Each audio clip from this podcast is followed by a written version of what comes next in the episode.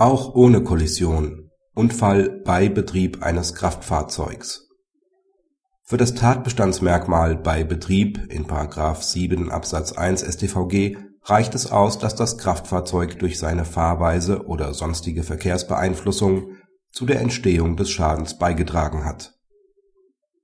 Die Klägerin befuhr mit dem Fahrrad den ca. 2,50 Meter breiten, kurvigen Weg. Die Beklagte kam ihr mit ihrem Pkw Smart entgegen. Die Klägerin behauptete, der Pkw sei ihr mittig auf der Straße entgegengekommen. Zur Vermeidung einer Kollision sei sie auf den Grünstreifen ausgewichen und deshalb zu Fall gekommen. Die Beklagte trägt vor, sie sei äußerst rechts mit angemessener Geschwindigkeit gefahren. Der Sturz der Klägerin stehe mit dem Fahren des Pkw in keinem Zusammenhang.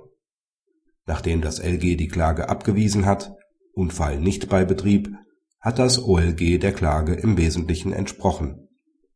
Das OLG weist darauf hin, dass der Unfall sich schon dann bei dem Betrieb ereignet hat, wenn das Verhalten des Verletzten in zurechenbarer Weise zumindest durch das Kfz mit veranlasst worden ist.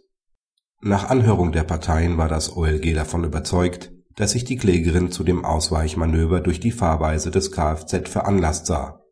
Das OLG sah es als glaubhaft an, dass sich die Klägerin auf dem schmalen Weg bedroht gefühlt hat, wobei ihr selbst nach der Schilderung der Beklagten nur ein Raum von einem Meter verblieb. Damit hat sich der Unfall bei Betrieb des Kfz der Beklagten ereignet.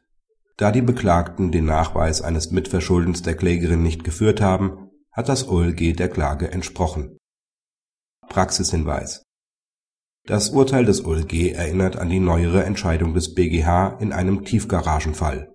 Auch dort kam es nicht zur Kollision. Der BGH bestätigt seine ständige Rechtsprechung, dass zwar die bloße Anwesenheit an der Unfallstelle für die Haftung noch nicht ausreicht, wohl aber, wenn die Fahrweise zu dem Entstehen des Unfalls beigetragen hat